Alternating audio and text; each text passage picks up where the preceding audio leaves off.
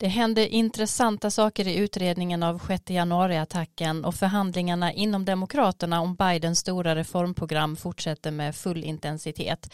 Det är saker vi pratar lite om i dagens poddavsnitt, men framförallt grottar vi ner oss i den process som nu pågår runt om i delstaterna och som innebär en översyn av valdistrikten utifrån förra årets folkräkning, den så kallade census.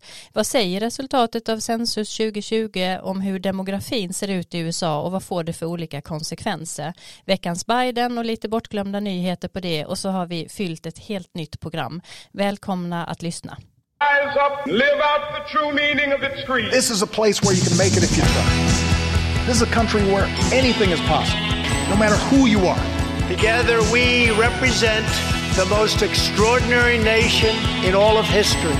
We're always looking ahead, ahead to an America that's freer and more just, ahead of an America that never gives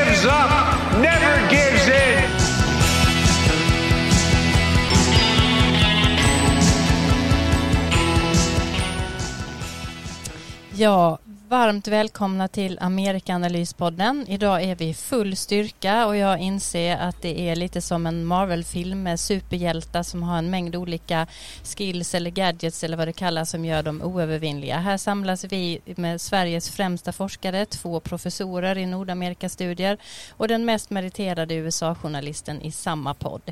Erik Åsa, Dag Blank och Karin Henriksson. Ni är med på lite olika håll. Hej allihopa! Hej, hej. Hej. Hej. Känner ni er som Marvel-hjältar eller mavlar med fulla av eh, USA-skills? Absolut. Karin Jobbar också? på det.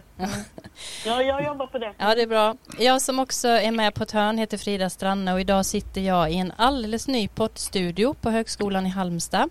Härifrån kommer jag att spela in podden mestadels framöver, hoppas jag. Eh, och ni andra är som eh, oftast i alla fall med på länk och telefon. Eh, vi hoppar över småpratet idag, tänker jag och går rakt på sak om vad som händer i USA. Vi har tidigare i podden tagit upp kongressutredningen om Kapitoliumstormningen den 6 januari, Erik. Men vad händer i den just nu?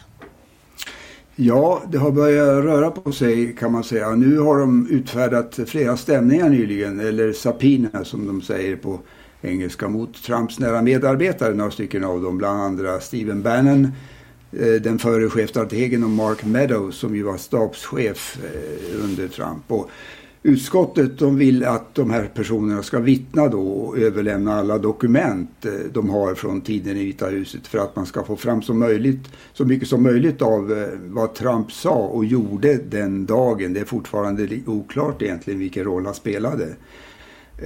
Och häromdagen så enades utskottet om att stämma Bannon inför domstol. Eh, och nu går det vidare då till representanthuset för omröstning. Idag tror jag, samma dag som vi pratar om detta, på torsdagen alltså. Och sen då om det godkänns där, vilket det lär göra, så går det vidare till justitiedepartementet för slutgiltigt avgörande. Donald Trump han har i sin tur stämt utskottet och han hävdar då att alla dokument eh, som han har själv eh, eller som medarbetarna har de skyddas av så kallat executive privilege, att då, någon slags exekutivt skydd. Eh, vilket inte eh, Biden-administrationen har gått med på. De har sagt motsatsen att vill utskottet se på det de har tillgång till så kommer de att få det. Och det här det är ju Trumps vanliga sätt att eh, lösa konflikter på. Han lär ju som affärsman ha varit inblandad i tusentals stämningar varav många gjordes upp utanför domstolarna. Men utskottets arbete har gått långsamt. De har ju på, pågått här under hela året och det tar tid och jag har sett att liberala kritiker och även en del republikaner som är emot Trump, de fruktar att ledamöterna inte förstår hur akut läget är här och att Trump och republikanerna kan fördröja processen genom att överklaga eh, det här i domstolarna långt in då på valåret 2022. Och om de lyckas med det och får majoritet i representanthuset om ett drygt år så kommer de säkert att lägga ner hela utredningen. Det skulle jag tro. Det är jag inte ensam om. Om man ser tillbaka i historien, finns det paralleller? Vad händer eh, ifall någon som fått en stämning inte infinner sig? Ja, spänningen mellan det som kallas för executive privilege, alltså det som eh, Erik talade om, presidentens rätt att skydda sig och sina medarbetare och kongressen i dess roll som övervakare, oversight, alltså executive privilege mot oversight, den går ju långt tillbaka den här spänningen och kampen om eh, vem som har makten där. Watergate är ju ett bra exempel där Nixon till slut förlorade kampen om sina bandinspelningar, om de skulle släppas Eh, i högsta domstolen genom ett högst utslag i högsta domstolen, ett enigt utslag i högsta domstolen. Om vittnen vägrar, in, vägrar inställa sig som det är här eh, då, och som ju var vanligt under Trump, då är det alltså möjligt eh, att, skicka, att be justitiedepartementet inleda en rättslig process.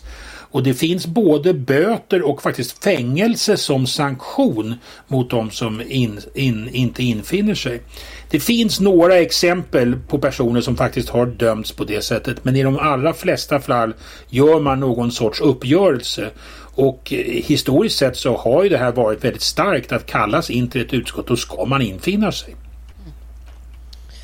Karin, ja, har du någon... alltså, det är som, ja, ja, alltså det, det vanliga är att man enas bakom kulisserna. Att någonstans är alla ense om att det här måste, det kan inte gå så långt. Men med, med Trump så är det ju inte så. Han följer ju inte gängse regler. Utan han, som, som Erik sa, han fortsätter den strategi han har använt i alla, alla år, att dra ut allt i domstol. Och så går han till attack mot det här utskottet varenda dag. Han kallar dem för unselect committee, inte select committee som de kallar sig själva. Och han förtalar de två republikanska ledamöterna, Liz Cheney och Adam Kinzinger.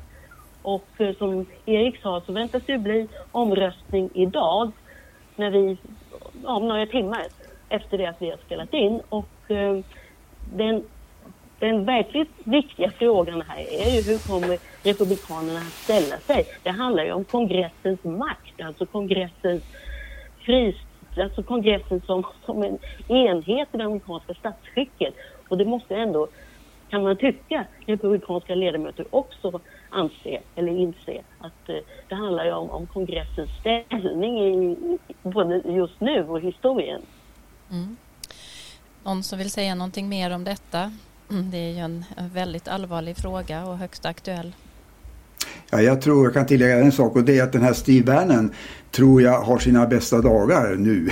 alltså om man har följt honom en tid Eh, och under en period som han var särskilt aktiv i Vita huset så är det är ju det här han vill ha. Va? Han vill ha strid mot den federala makten. Han har ju till och med ut, utnämnt sig själv till leninist. Han vill ju krossa statsmakten och dess institutioner. Va? Och därför finns det ju rätt många nu som tror att han var på något sätt inblandad i stormningen av Kapitolium. Kanske inte var chefoperatören bakom det men, men en av dem som liksom tänkte på, fram det här scenariot. Eh, för han, han, han är alltså så statsfientlig som man kan vara i, i USA. Eh, vi pratar ofta om hur det här framställs i media. Jag tänkte fråga dig Karin bara eh. Så kan du fylla i. För jag, jag, tänker på hur är stämningarna kring detta i USA? Inte bara i media då, för där kan jag tänka mig att det är indelat mellan väldigt olika perspektiv i Fox och MSNBC till exempel. Men vad, vad säger amerikaner om den här situationen? Det är precis som allting annat. De som liksom är då de sympatiserar med det demokratiska partiet de följer det här väldigt noga och CNN har sina paneler varenda dag. Medan då i Fox News så får man leta efter nyheter om detta. Så det är som vanligt. Men eh, jag tänkte bara säga, tillägga till vad Erik sa att Steve Bannon vill nog bli en martyr här, det är ju tydligt. Ja. Men hans egen ställning så att säga är inte alls solklar. Han var ju inte, han var ju inte eh, liksom medarbetare i Vita huset när det här hände. Han var ju en privatperson. Så det är inte alls säkert att just hans, vad han har gjort omfattas av executive privilege även om man skulle komma fram till att den förre presidentens papper skyddas. Mm. Just om jag får säga, just det där är en väldigt intressant poäng. Det blir en sorts konstitutionell diskussion där om hur, hur långt sträcker sig executive privilege. Kan det vara personer som inte har varit anställda av den exekutiva grenen, som inte har jobbat för presidenten, ska de skyddas? Och det där tror jag säkert att det blir en, kan finnas ett domstolsutslag kring till slut. Mm. Eh, det här, eh, vi har sagt det förr, men det här är ju verkligen någonting som vi måste följa framåt. Eh, det är ju ett oerhört kritiskt läge vad det känns när ni berättar här. Men om vi ska gå över till någonting annat innan vi tar vår fördjupning för dagen. Under tiden detta sker så fortsätter ju också förhandlingarna inom det demokratiska partiet om Joe Bidens olika förslag, stora program och satsningar som är tänkta att göra. Vad händer i, i de diskussionerna, Karin? Ja, det verkar i alla fall som om en kompromiss är på gång. Eh, Joe Biden har personligen träffat de olika falangerna i partiet och även de två diametralt motsatta eh, ideologiska krafterna här, det vill säga Joe Manchin från West Virginia och Bernie Sanders från Vermont. Och sen har han haft olika stormöten. Man får intrycket av att han verkligen engagerar sig nu på sluttampen och eh, när då detaljerna ska börja hamras ut, och, eh, eller hamras fram. Och eh, man kan då i sammanhanget säga att det har ju talats om 3,5 trillion dollar, det vill säga 3500 miljarder dollar. Och här säger Bernie Sanders att den siffran är en kompromiss i sig. De progressiva ville ha mycket mer. Men eh, nu så verkar det som att Biden har trimmat den här siffran till kanske runt 2000 miljarder dollar. Och det betyder ju då att många punkter måste försvinna eller bantas. Och eh, på, eller här så får man gissa att det kommer gälla klimatåtgärderna och kanske också det här som väldigt många röstade på Demokraterna på att de ville ha, det vill säga eh, subventionerat college. Eh, och igår kväll, det vill säga onsdag kväll, så höll eh, Joe Biden ett väldigt känsloladdat tal där han hemma i Scranton i Pennsylvania där han växte upp till han var ungefär 10-11 år. Och eh, han, han var oerhört uh, berättade om sin bakgrund och hur han själv hade varit ensamstående pappa och uh, han verkligen talade sig varm för att barnbidrag, satsning på barn är det verkligt viktiga. Och han jämförde till och med hur det är i andra länder. Det är inte alltid amerikanska politi politiker gör det. Så det var, det var ett brandtal från hans håll som vi inte hade hört på ett tag. Mm. Är det normalt Dag att det tar så här lång tid och att det blir så stora förändringar under resans gång som vi ser här? Ja, jag kan bara lägga till vad Karin sa där om satsningen på barnomsorg och föräldraförsäkring. Det var ju någonting som vi hade uppe i podden här för ett tag sedan. Och vi pratade om just att vi trodde att det är en fråga som ligger och tickar i USA. Så det är intressant att, att, om, att det kanske kommer finnas kvar i det här stora paketet. Som svar på din fråga att det blir stora förändringar så är svaret där naturligtvis ja. Och det är ju enormt mycket förhandlingar som pågår i kongressen med kongressen innan man får igenom sånt här.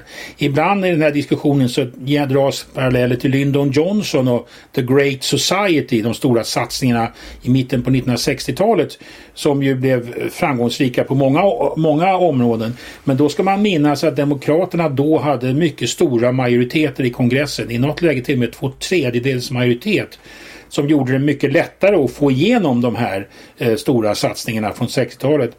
Vi kan ju ihåg Obama med Obamacare, hans sjukförsäkringsreform, den fick han ju igenom verkligen i sista sekunden där och, och baxade igenom. Och, men det var mycket, mycket svårare. Han hade ju inte alls lika stort eh, underlag i kongress och han fick ju använda reconciliation, den här reconciliation-metoden som kommer att användas nu också för att undvika filibustrar.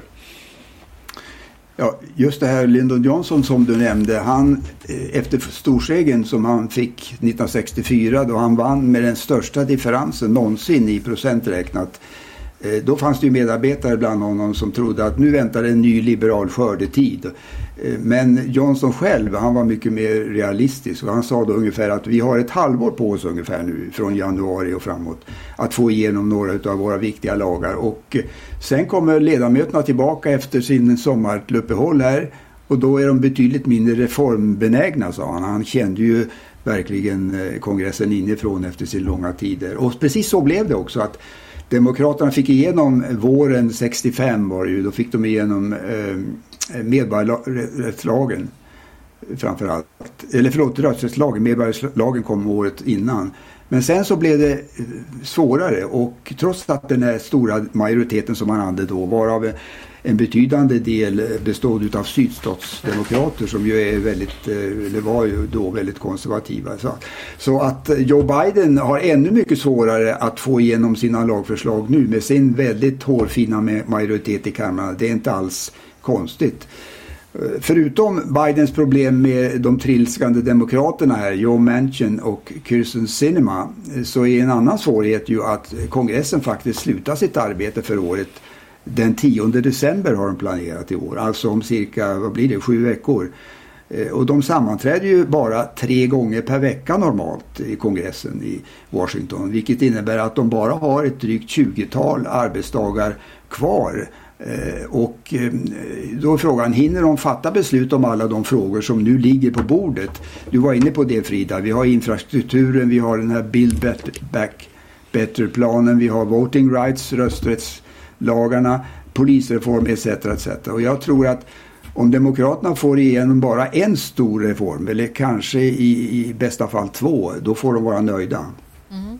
Eh, det påverkar väl en del Karin samtidigt att det finns så många pågående problem nu till exempel hamnarna som är fulla, logistik som inte fungerar och sådär.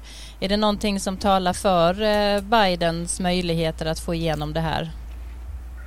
Mm, ja, nej, det, det är väl liksom så att nu kommer det bli hans möjlighet att övertala och ena partivännerna. Men Alltså, otåligheten är mycket större nu i samhället i stort. Och det är väldigt många problem och ju mer tiden går, ju mer kan, desto mer kan eh, då oppositionen, så att säga, och det är inte bara republikanerna i kongressen utan det är ju till exempel näringslivet och eh, konservativa kommentatorer som eh, Wall Street Journal som hackar in sig på eh, eventuella skattehöjningar och klimatåtgärderna är onödiga och dyra och så vidare. Så att tiden rinner ut. Mm. Ja, ett minst sagt knivigt läge.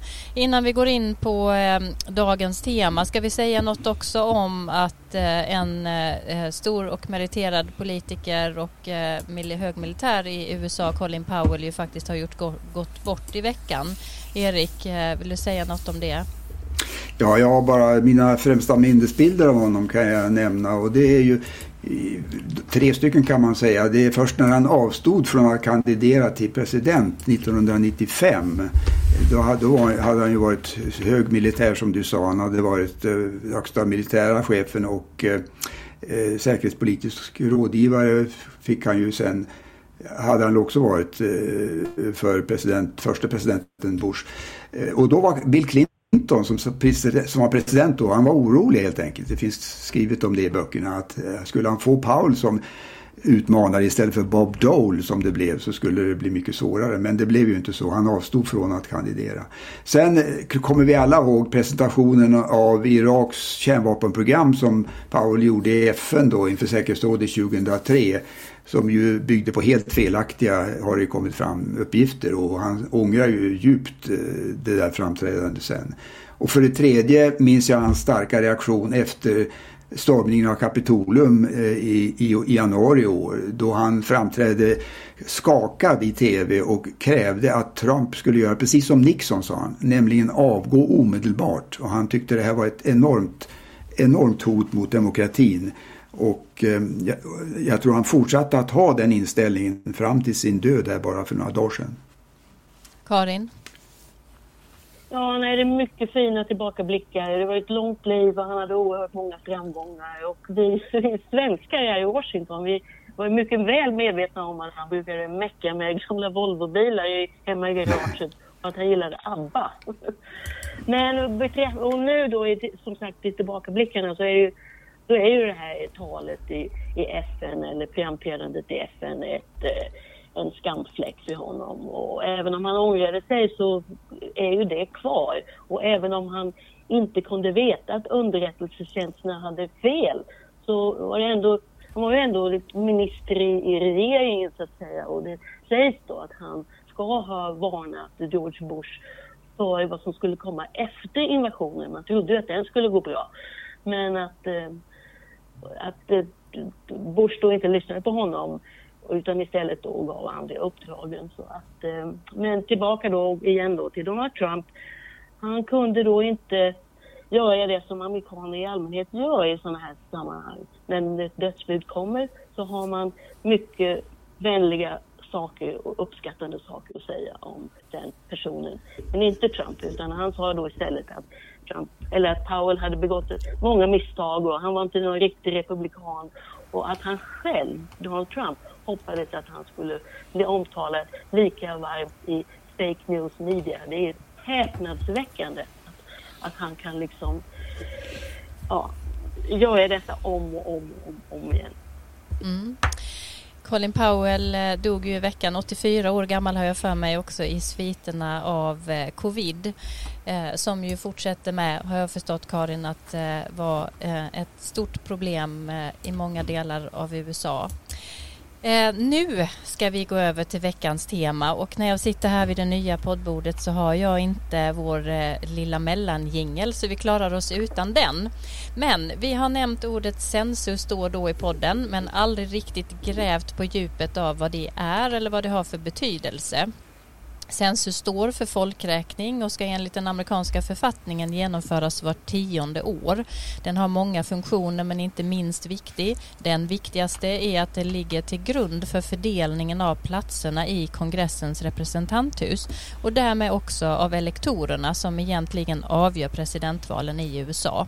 Sen påverkar den även exempelvis utbetalning av federalt stöd till olika områden. Under president Trump så omgav census av mer kontroverser än vanligt för han ville bland annat ha med frågan om medborgarskap och så blev det i slutändan inte. Myndigheten Census Bureau är därför och på god grund av, och också på grund av pandemin senare ute med resultatet än vanligt och det verkliga arbetet med gränsdragningar för kongressdistrikten har eh, satts igång ganska sent. Vi ska ta upp tre aspekter av censusresultaten och Dag först. Eh, jag vet att du är väldigt intresserad av den etniska sammansättningen i USA och hur ser det ut just nu med de här resultaten? Ja, den amerikanska censusen, folkräkningen, eh, ställer ju frågor om personers etniska och rasmässiga bakgrund. Väldigt intressant, så man har mycket data på detta. Det är därför vi kan tala om hur många vita, hur många latinos och så vidare det finns. Och så. Där sticker USA ut mot Sverige. Vi vet inte det i Sverige. Vi får inte ställa sådana frågor i Sverige. Så den, den, den kunskapen finns inte i Sverige, men den finns i USA. Och då finns det ett antal grupper. De vita, det är ju de europeisk-ättade personerna. Man säger att om man har rötter i Europa så är man klassificerad man som vit. Och det här är någonting som man själv bestämmer. Man tillfrågas om vad är du? Ja, jag tillhör den vita gruppen för jag har mina rötter i Europa. Antingen född där kanske själv eller långt, långt, långt, långt tillbaka. Sen har vi då latinos. Det är gruppen som har rötter i Latinamerika. Och sen har vi African Americans. Det är då de svarta, säger man ibland. Det är de som har rötter i Afrika och eh, eh, i störst utsträckning de som är ättlingar till slavarna. Och så har vi asiaterna, eh, personer med rötter i Asien. Och sen finns det då ursprungsgrupperna, de inhemska, vad man tidigare sa, amerikanska indianerna och andra mindre ursprungsgrupper. Och hur blev då resultatet? Jo, den vita gruppen har gått ner med nästan 10 sedan 2010. Idag är drygt 60 procent av amerikanerna anser sig vara vita. Latinos fortsätter att gå upp. De ligger mellan nästan 20 procent, 19 procent idag. Sen den näst största gruppen. Sen kommer eh, African Americans, de svarta, på 13 procent. Ligger stilla. Och asiaterna 5 procent går upp har gått upp ungefär 2 procentenheter. Och sen ursprungsgrupperna ligger ganska stilla. Det är en, det är en ganska liten grupp, en dryg procent. Så den vita europeisk-ättade gruppen minskar, latinos och asiater ökar och de svarta eh, och ursprungsgrupperna ligger stilla. Så där har vi en, den starka berättelsen om USA som ett land där Eh, det om ett antal år inte längre finns någon majoritetsbefolkning. Alltså den vita gruppen som traditionellt sett har varit majoriteten och bara, på, bara för några årtionden sedan var över 80-85 procent. Den går ner och det finns diskussioner om när den går under 50 procent. Och det har den gjort i ett antal delstater. Så det är liksom en stark berättelse om den här minoritets, de här starka minoritetsgruppernas ökning. Men man kan också lägga till, minst lika viktigt är att gruppen blandade har ökat. I USA finns det en lång tradition av vad som kallas för the one drop rule. Det vill säga man är antingen det ena eller det andra. Du är vit eller svart, latino eller äh, asian. Du måste välja. Men sedan 2000 har det varit möjligt att välja flera grupper. Man kan liksom bejaka sitt kosmopolitiska ursprung. Och i Census 2020 infördes ett nytt sätt att räkna den blandade befolkningen. Och där visar mycket intressanta resultat att den uppgår idag till drygt 10 procent av den amerikanska befolkningen. Anser att de har en blandad befolkning, inte en, enerna. Och det är en ökning med över 250 procent på bara det senaste årtiondet. Så det är någonting som liksom ligger i framtiden, att den här blandade befolkningen ökar. Innan du ska få gå in och förklara om eh, de olika bakgrunderna, hur de ser ut i den blandade delen av befolkningen, så blir jag lite nyfiken på en kuggfråga kanske. Men vilka delstater är det där den vita eh, majoriteten inte längre existerar, så att säga, har gått under 50 procent? Ja, till exempel Kalifornien, till exempel Texas, eh, kan, New, York. Eh, New York förmodligen, ja.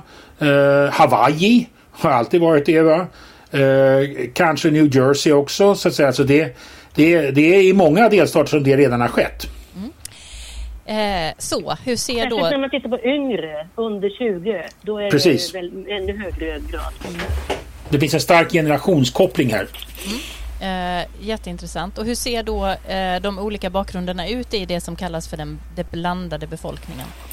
Ja, där då, de som, som är, inte vill vara det ena eller det andra, de vill blanda. Det är den vanligaste kombinationen mellan vita och latinos. Den vita är den största gruppen, så de är ju naturligtvis oftast inblandade. Av alla barn som föddes av föräldrar med olika bakgrunder 2017 var närmare 40 procent av, hade rötter i vita och latinos. Därefter kommer vita och svarta och asiater och svarta. Det finns också en växande grupp med rötter i två minoritetsgrupper, till exempel svarta och latinos.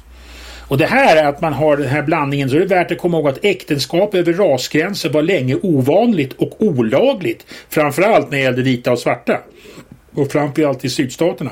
Det var inte förrän 1967 som Högsta domstolen i ett berömt utslag Loving vs Virginia slog fast att lagstiftning som förbjöd äktenskap över rasgränserna var, var olagligt. Alltså. Vad, vad får det för konsekvenser? Ja, den här växande blandgruppen får ju eh, får intressanta konsekvenser. Alltså, å ena sidan är det ju otvetydigt så att den vita gruppen minskar och minoritetsgrupperna ökar. Det har vi ju sett under lång tid och den utvecklingen säger man ju länge har varit ett dåligt tecken för Republikanerna eftersom de i så stor utsträckning förlitar sig på vita, vita väljare. Eh, men den här blandbefolkningen, hur ska man se på den då? Om det är en väldigt växande grupp, hur, hur, kommer den att uppträda? Då finns det många tecken som säger att till exempel bland de som har en blandad vit och latinobakgrund, den största gruppen, så kommer de i ganska stor utsträckning att be, upp, be, be, bete sig som vita när det gäller sociala, kulturella eller politiska drag. Så att eh, när man har båda två, det latinos tenderar att rösta på Demokraterna vet vi, men om man har båda rötterna så finns det en tendens, menar en del forskare, att det här vita så att säga kommer att betonas mer och att de kanske kan få en större benägenhet att då till exempel stödja Republikanerna än man, än man kan tro. Det gäller både för de som är vita och latinos och vita och asiater men inte för de som är vita och svarta. Och de som har en vit och svart bakgrund, då är det så att säga det, det, det svarta elementet som, som, blir, som blir viktigare. Och då kan man ju fundera på eh, när det gäller valutslagen till exempel. Eh, den här stora latinogruppen. Trump gjorde ju oväntat väl ifrån sig bland latinos. Och det kan vara en faktor här att bland de väljarna så döljer sig också de här snabbt ökande grupperna med blandad befolkning. Mm. Eh, har du någon data på delstatsnivå när det gäller det här? Ja, vi sa ju lite det. Eh, Censusbyrån har konstruerat, det var första gången jag såg det den här gången, men det var väldigt intressant, ett mångfaldsindex.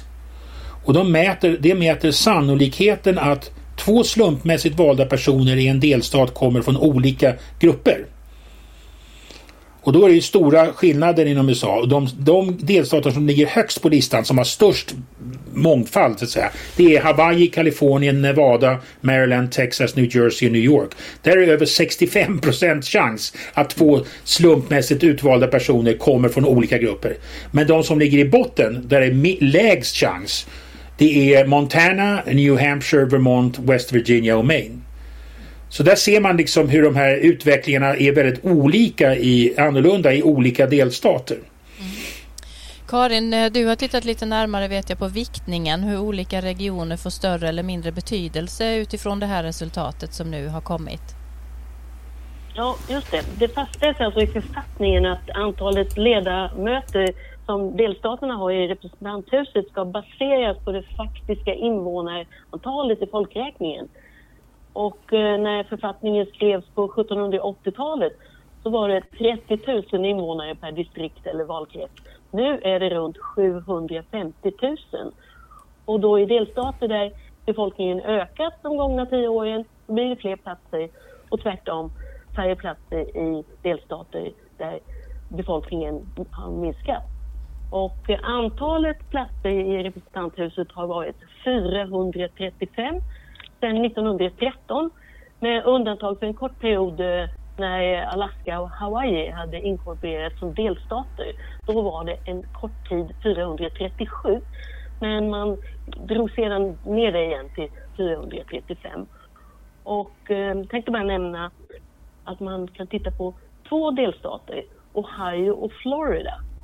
För hundra år sedan så hade Ohio 22 ledamöter i representanthuset och i nästa kongress, alltså den som tillträder då efter valet 2022, kommer antalet att bara vara 16, alltså 22 mot 16.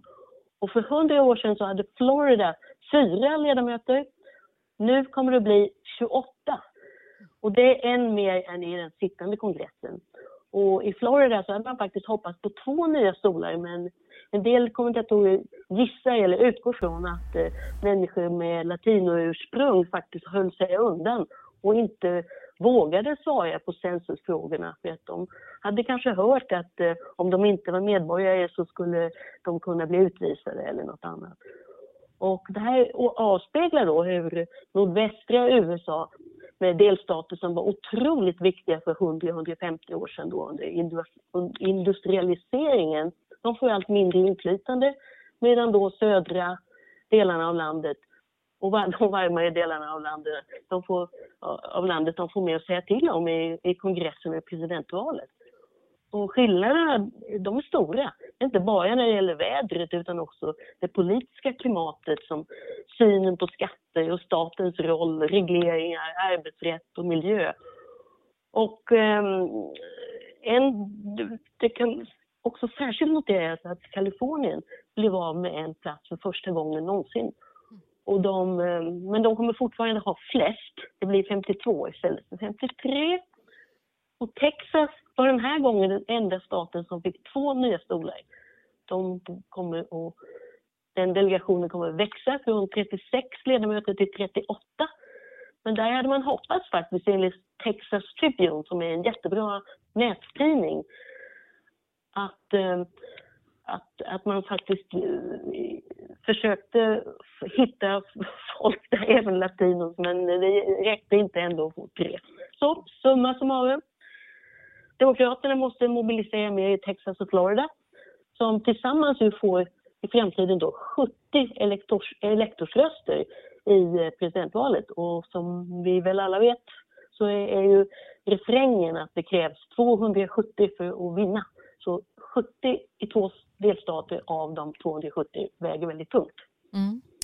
Eh, jätteintressanta delar. Jag, som en kommentar bara till det du sa inledningsvis om att man eh, eh representerar ett valdistrikt nu eh, har eh, i genomsnitt 750 000 eh, invånare är ju också in, i en internationell jämförelse väldigt, väldigt mycket. Tittar man på europeiska länder så, så sti, eh, eller västdemokratier så sticker verkligen USA ut här i just eh, hur mycket många en, en ledamot eller en, en politiker representerar sett till folkmängd. Så det är verkligen en, någonting som eh, eh, har utvecklats som du beskriver där också över tid eh, på ett väldigt tydligt sätt. Eh, ett annat favoritbegrepp för alla USA-nördar är ju gerrymandering, alltså att skräddarsy distrikt så att det passar det egna partiet. Och här har ju Republikanerna just nu en stor fördel för de sitter ju i majoritet i, är det 27-28 delstatsparlament eh, tror jag. Eh, Erik, kan du berätta vad det är som sker nu och vad det kan väntas det gå hårdast till här framåt?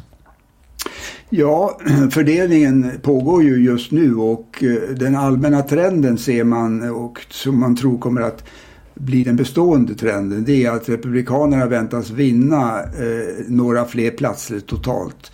Eh, men en annan trend det är att eh, det blir allt färre jämna valdistrikt. Eh, det vill säga att de blir antingen mer blåa eller mer röda. Och det innebär ju att en kongressledamot eh, har mycket eh, säk säker arbetsplats så att säga.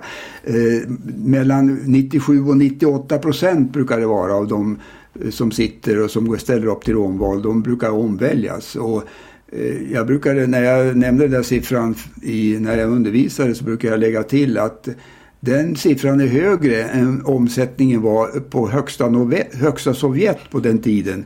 Eh, när, när det, Sovjetunionen fanns. Så att, eh, job security, eh, om du vill ha det så ska man bli kongressledamot.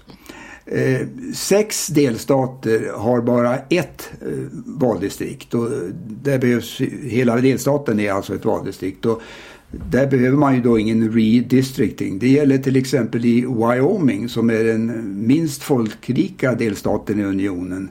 Eh, där mandatet faktiskt innehålls av Liz Cheney som vi nämnde tidigare. Och hon är också vice ordförande i 6 januari eh, utskottet här. Och, och Donald Trumps främsta måltavla har framgått i kongressvalet eh, nästa år.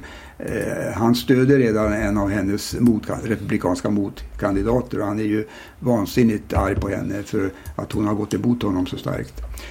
Eh, så hittills är resultaten ofullständiga men det står klart att, eh, helt klart att Demokraterna har vunnit två nya platser i Oregon där de har majoritet i båda husen. Och Republikanerna har vunnit två nya i Texas som Karin var inne på tidigare. Och där har ju Republikanerna en kraftig majoritet. Och eh, där kan man också se en intressant förändring. De har föreslagit där, och det är inte klart riktigt hur det blir, men de har föreslagit en stor förändring av 18 kongressdistriktet. Eh, där platsen innehas av en känd liberal, Sheila Jackson Lee. Hon invaldes 1994 på ett mandat som först innehades av Barbara Jordan. Eh, den kända första svarta kvinnan från Texas som invaldes i kongressen. Vi minns henne till exempel från, jag tror det var partikonventet eh, 1976 då hon höll en väldigt berömt tal.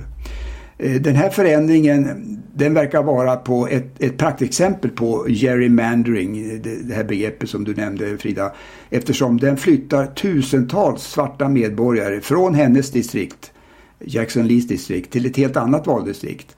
Och det gör det svårt, kanske osannolikt för Jackson Lee att vinna omval. Eh, och inom parentes här så jag har läst i, i en texansk tidning att eh, här har nation, nationella republikaner varit i, i, eh, kontakt med de lokala republikanerna för att göra det svårare för henne helt enkelt att bli omvald. Hon har varit något av en nagel i ögat på många republikaner genom sin kritik och framträdande. Eh, den här förändringen har dock överklagats till domstolarna och där lär många liknande fall hamna för avgörande framöver här. Eh, vi kan också tipsa lyssnarna här om hemsidan 538.com som fortlöpande uppdaterar vad som händer i de olika delstaterna. Mm. Eh, som ett tillägg där Erik till det du säger nu så kan man ju eh, säga att eh, när det kommer till den här redistricting så är det ju inte förbjudet enligt konstitutionen att eh, rita om så att det gynnar partiet men det är däremot förbjudet eh, enligt tillägg från, från eh, 1965 att man inte får eh, göra det på rasmässiga grunder. Så, ja. ja och det, men det är det vi ser här, eh, eller som många kritiker då menar sker här på väldigt tydliga sätt i olika distrikt. Just. Mm. Eh, Karin, eh, någonting annat kring det här? Ja, det finns ju mycket att säga naturligtvis. Ännu mer. Men eh, till saken har ju klyftan stad-landsbygd. De flesta demokrater bor i storstäderna och det då i kombinationen med att minoritetsgrupperna svarar då för befolkningsökningarna, ställer ju mycket på sin spets för framtiden. Och eh, inte minst då hur latinos kommer att rösta. Och där finns det till och med då skillnader inom den befolkningsgruppen. Alltså latinos i Kalifornien, de tenderar att sympatisera med Demokraterna medan då resultatet i presidentvalet i Florida till exempel, det tyder ju på att då i synnerhet exilkubanerna i Miami, de röstade på Donald Trump. Och i Texas så gjorde Joe Biden sämre ifrån sig än Hillary Clinton hade gjort fyra år tidigare och eh, Trump eh, lockade latinoväljare i gränstrakterna. Så det där kommer bli då den grupp som man väldigt mycket kommer fokusera på i framtiden. Och eh, de blir ett viktigt väljarblock eh, fastän med lägre valdeltagande än många andra. Men det, det, är en av många faktorer nu då att titta på.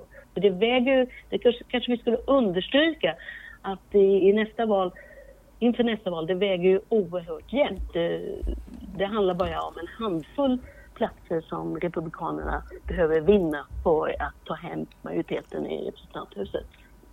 Mm, Just när det gäller latinos kan man väl tillägga att där ser man inte bara regionala skillnader som Karin nämnde nu utan också generationsskillnader. Eller vad säger du Dag? Finns det siffror på det? Ja, det, det, det, det, tror jag absolut. Alltså latinos är en så stor grupp också nu. Den är då 18-19 procent. Och inom gruppen så ryms det ju generations, eh, alltså sådana som är födda i Latinamerika, i Mexiko främst. Men också sådana som är helt uppvuxna i USA som inte ens talar spanska. Så att mm. säga. Så att, och, den, och i många i, i latinos, äh, speciellt om man då inkorporerar de här blandade gruppen så att säga, som är av blandad bakgrund som närmar sig kanske då det vita mainstream-samhället och eh, har då gått, stigit upp socialt och ekonomiskt så att säga. Så det blir en, en väldigt osäker, ett osäkert läge hur man ska bedöma den här gruppen ska jag vilja säga. Och den är så stor nu så att den inom sig, ju större grupperna blir desto större blir ju variationerna, sociala och kulturella variationer inom grupperna. Så det är inte alls säkert att de här gamla förutsägelserna om att latinos alla, nu tar ju demokraterna hem många latinoröster, det är ju helt klart, men det minskar. Mm. Eh, det du sa i slutet Karin innan är ju väldigt viktigt nu att det handlar om eh, ett eh, fåtal platser bara för Republikanerna att kunna få majoritet i representanthuset i mellanårsvalet nästa år och man försöker ju på många sätt nu genom det här redistricting att faktiskt se till så att man ska kunna säkra så mycket man kan av att liksom plocka hem de platserna. Eh, är det någonting annat som vi vill eh, säga avslutningsvis om Census eh, eller dess betydelse? Nej, inte om census, men jag kan återanknyta till något vi var inne på tidigare, nämligen senator Joe Manchin från West Virginia. Jag såg här i morse i en artikel i tidskriften Mother Jones eh, från en trovärdig eh, journalist som heter David Korn han skriver där att eh, han, enligt hans källor så, kommer, eller så överväger Manchin att lämna Demokratiska partiet och bli oberoende. Och han, han, han, han själv har, säger emot detta, det är felaktigt och så vidare. Men den där David Korn som jag nämnde, han har visat sig tidigare ha väldigt go väldigt goda källor och rätt i mycket av vad han skriver. Så att om det blir så så tror den här kåren att Manchin inte går över direkt till Republikanerna utan att han då i så fall blir oberoende eh, i, i, precis som Angus King är från Maine och Bernie Sanders från Vermont. Men for, kommer fortsättningsvis, skriver han där, såg jag att förmodligen eh, sammanträda tillsammans med Demokraterna. Men då får han en mer oberoende ställning. Och han är ju helt klart väldigt obekväm i den rollen som han har nu. Mm. Eh, ja. Eh... Då, då förresten, bara tillägg. Då, då mister ju åtminstone numerärt Demokraterna majoriteten i senaten också. Mm. Eh, oerhört intressant och spännande då framåt, vilket vi lär väl få veta inom den närmsta tiden antar jag. Eh, ja, eh, vi har eh, pratat om census och redistricting nu på ett sätt som jag hoppas att eh, lyssnarna har fått med sig mycket ny matnyttig information och när det kommer just till eh, den här processen med att rita om valdistrikt och inför valåret nästa år så lär vi ju få återkomma till den frågan hur det ser ut och hur det blir framöver. Nu ska vi till det stående inslaget som vi har här. Karin håller ett öga och öra på president Biden och vad han har gjort och sagt sen sist vi hördes och häromdagen så höll han ett tal vid en ceremoni till minne av poliser som dött i tjänsten. Lyssna här på hur det lät då. Being a cop today is one hell of a lot harder than it's ever been. And to the families of the fallen, you've suffered an enormous loss. But understand, your loss is also America's loss. America's loss. And your pain is America's pain. We're waking up to the notion that unless we change the environment in which the job can be done, we're going to have trouble having enough women and men come forward and want to do the job. Ja, Karin, varför valde du just det här citatet? Ja, det förblir ju ett, ett väldigt hett ämne. Alltså polisens arbete och rutiner och finansiering. Och Biden talade ju om då hur farligt det är att vara polis och eh, att han är orolig för att det kan bli svårt med eh, nyrekryteringen på sikt. Och i år har fler poliser än någonsin avlidit i, i, så att säga, under tiden som de är poliser. Alltså kanske inte nödvändigtvis i tjänsten som det visar sig. Det är över 300 och det är något fler än förra året. Eh, och eh, fem av dem avled ju i samband med stormningen av Kapitolium och det nämnde då Biden också i det här talet. Och det är så en ny kategori så att säga. Annars så eh, omkommer ju poliser i skjutningar eller i trafikolyckor. Och det slående nu då är att totalsiffran för både förra året och i år beror på att ett stort antal har avlidit i sviterna av covid. Och det pågår just nu en mycket hård strid om eh, krav på vaccinationer av, i, i poliskårerna i städer som Chicago och Los Angeles. Och eh, vi vet inte hur det kommer gå. Det är många poliser som säger att de hellre slutar än att vaccinera sig. Och det väcker då naturligtvis stor oro bland politikerna för att det kan ju betyda att färre poliser i tjänst, mer brottslighet. Så att eh, det är en fråga man måste följa också. Mm. Joe Biden syns mer eller mindre varje dag med tal i olika sammanhang men han ger väldigt få intervjuer. Varför är det så? Ja, det är sant. Det har bara varit ett tiotal hittills. Han har ju faktiskt suttit nu i Vita huset sedan i januari och det göder då spekulationer, särskilt då bland Trumps vänner, om att Vita huset eh, ransonerar hans framträdande för att de inte tror att han kommer klara det. Liksom, det är tuffa frågor från eh, eh, väldigt erfarna journalister. Men nu i natt, alltså svensk tid, torsdag kväll i USA, då ska han vara med i ett direktsänt så kallat town hall-möte i CNN. Och det pågår i en och en halv timme, så då lär det nog bli lär det nog visa sig hur skicklig han är på att svara på frågor. Mm. Och många lär bänka sig. Ska du ta fram chipspåsen och sätta dig i soffan också? Det kan du ge dig på. Mm. Spännande, får vi kanske höra lite mer om hur det gick för honom då när vi hörs nästa gång i podden. Vi eh, har kommit fram till avslutningen och vi avslutar alltid podden med att eh, tala lite om eh, bortglömda nyheter eller sånt vi inte tycker har fått eh, tillräckligt mycket plats kanske. Jag har nog aldrig själv presenterat en bortglömd nyhet eh, när jag tänker efter så det är kanske på tiden. Eh, och eftersom jag just nu sitter och sliter med en text om hoten mot den amerikanska demokratin och har förbluffats av hur illavarslande läget faktiskt är inför valen 2022 och 2024 så hajade jag till lite grann när jag såg en intervju med Fiona Hill som jobbade i Trumps administration i två år men sen vittnade mot honom i det första riks riksrättsåtalet som han ställdes inför. Eh, och hon eh, slår nu eh, Eh, Eh, på trumman över hur illavarslande situationen är i USA eh, och vilka stora demokratiproblem som man brottas med. Och hon har då bland annat påpekat att eh, även om Trump har utgjort ett stort hot och även Putin i förra valet, som, eller i förrförra valet inte minst, som påverkade valutgången så menar hon ändå att problemen är så långt mycket större än så, så har, går väldigt långt tillbaka i tiden och att man nu måste göra allt för att motverka de här olika hoten som finns. Där kritiserar hon också samtidigt Biden-administrationen för att göra alldeles för lite. Eh, och hon har precis kommit med en bok, There's nothing for you here, eh, som det kan vara väl värt att läsa. Eh, det här diskuteras ju, det kommer många intressanta artiklar nu faktiskt, varnande artiklar. Det finns en lång rad eh, eh forskare, eh, flera hundra faktiskt, som har samlats i ett gemensamt upprop eh, kring eh, problemen med demokratin eller hoten mot den amerikanska demokratin. Så här pratas det väl om ganska mycket men kanske att det ändå har gått lite för mycket under radarn i svensk media även om vi hör lite om det här och där. Eh, Karin, vad har du eh, tänkt på som någonting som faller undan lite?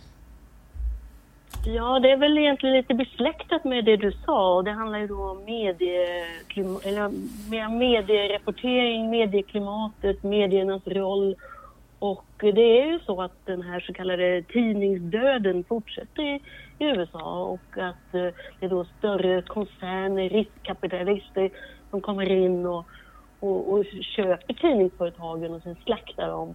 Och till slut blir det inte mycket tidning kvar. Och det där har ju pågått som sagt i, i många år men det är inget som tyder på att det skulle, skulle upphöra och nu är det också då det här sker också på internationell nivå, sammanslagningar som till exempel eh, blev det känt nyligen att eh, tyska Axel Springer-koncernen ska köpa Politico. Och det ska, kan bli intressant att se om det blir några slitningar där mellan tyska och amerikanska medietraditioner. Mm. Erik, har du någonting som du vill lyfta fram? Eh, ja, jag har uppmärksammat en trend på amerikanska idrottsarenor det har varit lite artiklar om det men det har inte slagit igenom tycker jag. Och det, senast så var det på eh, fotbollslaget New York Jets hem, hemmamatch. Eh, där en ganska så stor del utav publiken inte verkade så intresserad av själva fotbollen utan genom hela matchen i stort sett skanderade en ramsa som löd så här F-U-C-K Joe Biden. Satt de och skrek hela tiden. Och det har spridit sig nu till andra idrottsarenor. Där man liksom använder sporten inte för att heja på hemmalaget eller bortalaget. Utan för att eh, politisera helt enkelt. Man, man, man tar ut sin, sin ilska, politiska ilska och visar sin ideologiska tillhörighet även på sportarenan. Och det där tycker jag är så oerhört sorgligt därför att vi har nog tycker jag med politisering eller polarisering snarare i det amerikanska samhället in, ändå att den ska krypa in även på, på, på sportarenan som ju tidigare har varit ganska fredad ifrån det och eh, man kan ju fråga sig om, om även nu politik, politiken ska ta över sporten. Vad finns det kvar då för områden eller för sfärer av det amerikanska samhället som håller samman medborgarna kring något gemensamt? Det, det, den frågan tycker jag man kan ställa sig. Mm, det är ju väldigt intressant det du säger för att eh, sporten har ju verkligen varit annars ett eh, oerhört starkt eh, uttryck för det gemensamma i USA Absolut. och för patriotismen. Och jag vet Precis. att mina första möten med USA var i många sammanhang sport eh, och uppleva det och då blev man ju snarare eh, överväldigad av den mycket starka liksom, eh, enhetligheten som fanns och hur man slöt upp bakom flaggan och nationalsången och annat. Så det är ju verkligen en påtaglig förändring i tiden som du pekar ut här tänker jag. Ja, eh, ja eh, det låter eh, ytterligare som ett, en, all, ett allvarligt tecken på just den här polariseringen som inte verkar se någon ände utan bara fördjupas och förvärras på olika sätt. Dag, avslutningsvis, har du hittat någonting som du tycker vi bör uppmärksamma? Ja, man kan ju hålla ögonen på det kommande guvernörsvalet i Virginia som ju kanske kan bli en värdemätare på hur på läget inför kongressvalet 2022.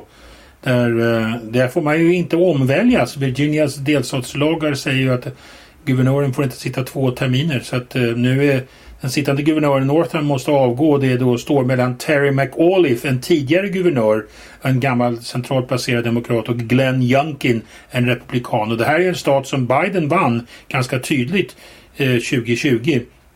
Och Virginia är en delstat som har blivit allt mer demokratisk men här är det ett väldigt jämnt lopp mellan Youngkin, republikanen och McAuliffe, demokraten. Så det ska bli väldigt intressant att se hur det går. Mm, tur då att när vi spelar in nästa poddavsnitt den 4 november så har det här valresultatet ju eh, kommit och då kan vi eh, ta upp hur det gick i Virginia i guvernörsvalet. Eh, med det så tackar vi för oss eh, och eh, avslutar podden för idag. Tack Erik Åsa, Dag Blank och Karin Henriksson för eh, att ni har visat era USA-skills ännu en gång. Tack Johan Lindström för ljudillustrationer och givetvis till alla er som lyssnar. Ni hör oss igen som sagt om två veckor och till dess var rädda om varandra och er själva. Hej!